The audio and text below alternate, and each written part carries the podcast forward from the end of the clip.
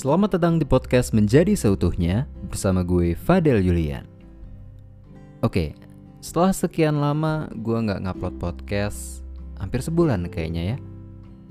Ya, gue lagi menikmati masa-masa rehat, masa-masa istirahat, apalagi abis lebaran ya kan, abis berlibur gitu, walaupun nggak ke mana-mana.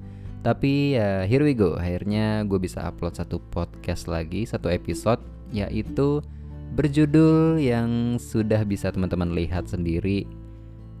Sebenarnya ini juga sebuah unpopular opinion ya, yaitu tidak lain dan tidak bukan kalau orang lain bisa, kita nggak harus bisa. Waduh, ini orang kalau pertama kali denger kayaknya langsung, wah buset, kok gini amat gitu. Kayaknya satu statement yang nggak pernah didengar, atau mungkin sering didengar kali ya. Nah, tapi intinya gue pengen bahas satu hal dari sudut pandang yang agak beda nih. Jadi mungkin kita sudah sering dengar gitu ya istilah atau kata-kata kalau orang lain bisa, kenapa kita enggak gitu. Yang itu tuh sebenarnya menyiratkan atau seolah-olah ketika orang mahir dan jago dalam satu hal, ya kita harus ikut-ikutan bisa juga gitu. Orang lain jago, wah gue harus jago juga nih orang orang lain bisa kenapa gua enggak gitu. Tapi kalau kita terus-terusan ngikutin hal kayak gitu ya ujungnya capek. Tahu nggak kenapa? Karena fokus kita adalah kompetisi bukan tujuan gitu. Kita cuma bergairah atau berambisi untuk pengen bisa kayak orang lain tapi tidak menjawab tujuan dari dalam diri kita sendiri gitu. Buat apa ngabis-ngabisin waktu cuma ngebuang nafsu doang biar kita bisa nyamain kemampuan sama orang tapi tidak menjawab tujuan atau impian hidup kita. Jadi kalau misalkan udah kayak gitu ya sebaiknya kita berpikir ulang gitu. Kalau gua sih menghadapinya pertama-tama ya. Kalau misalkan kita ngelihat orang lain bisa terus kita pengen bisa atau enggak gitu kita pastiin dulu. Yang pertama pahami dulu minat dan kompetensi kita apa lalu pahami dulu tujuan akhir hidup kita apa gitu. Kalau dari dua konteks ini tidak sesuai dengan diri kita ya buat apa kita harus bersaing untuk bisa kayak orang lain itu? Iya kan? Kalau tujuannya nggak sama terus minat dan kompetensi udah beda ya buat apa? Jadi poin yang paling penting dari hal dari hal ini adalah jangan ikut-ikutan. Karena capailah tujuan masing-masing gitu. Di jalan yang berbeda-beda. Gitu. Poinnya nggak apa-apa kita jalan masing-masing di jalan yang beda. Terus ya karena kalau jalannya beda pasti tujuannya juga beda. Semangatnya nggak apa-apa tetap bersaing, tapi tujuannya nggak sama. Nah, inilah yang sering kita kehilangan arah gitu cuma sekedar pengen kelihatan bisa kayak orang lain, pengen menyayangi dia tapi tidak menjawab tujuan hidup. Jadi dengan begitu seharusnya kita memahami dua poin penting itu. Minat dan kompetensi kita apa, tujuan akhir kita apa.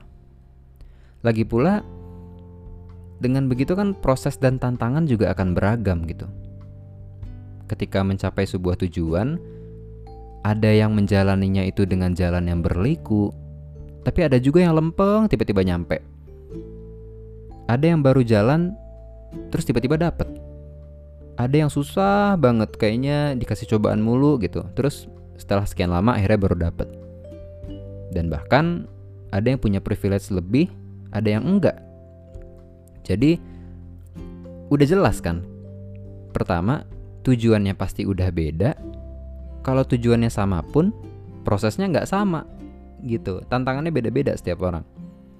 Nah, apalagi kalau konteksnya kita ngomongin privilege. Kalau orang punya privilege, kita nggak bisa salahkan loh. Karena kenapa?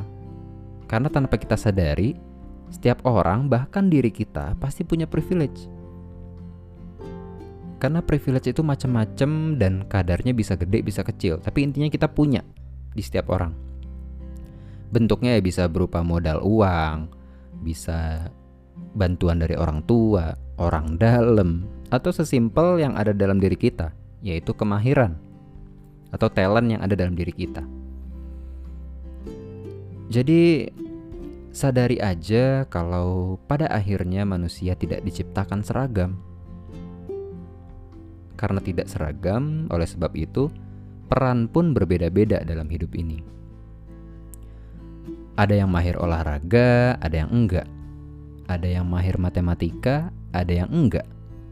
Ada yang mahir berkata-kata, ada yang enggak.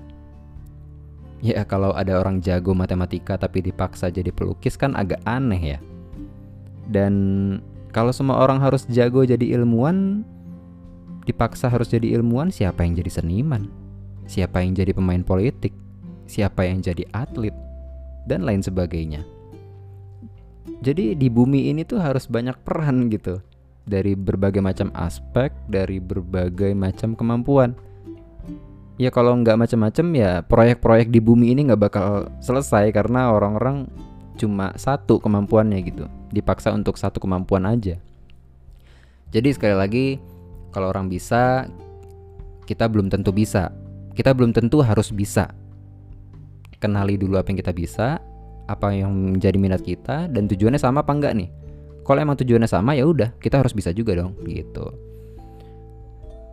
nah selain itu gue juga sering bilang carilah sesuatu yang kita suka dan bisa kayak tadi deh ambil contoh dia bisa matematika tapi sebenarnya dia nggak suka matematika.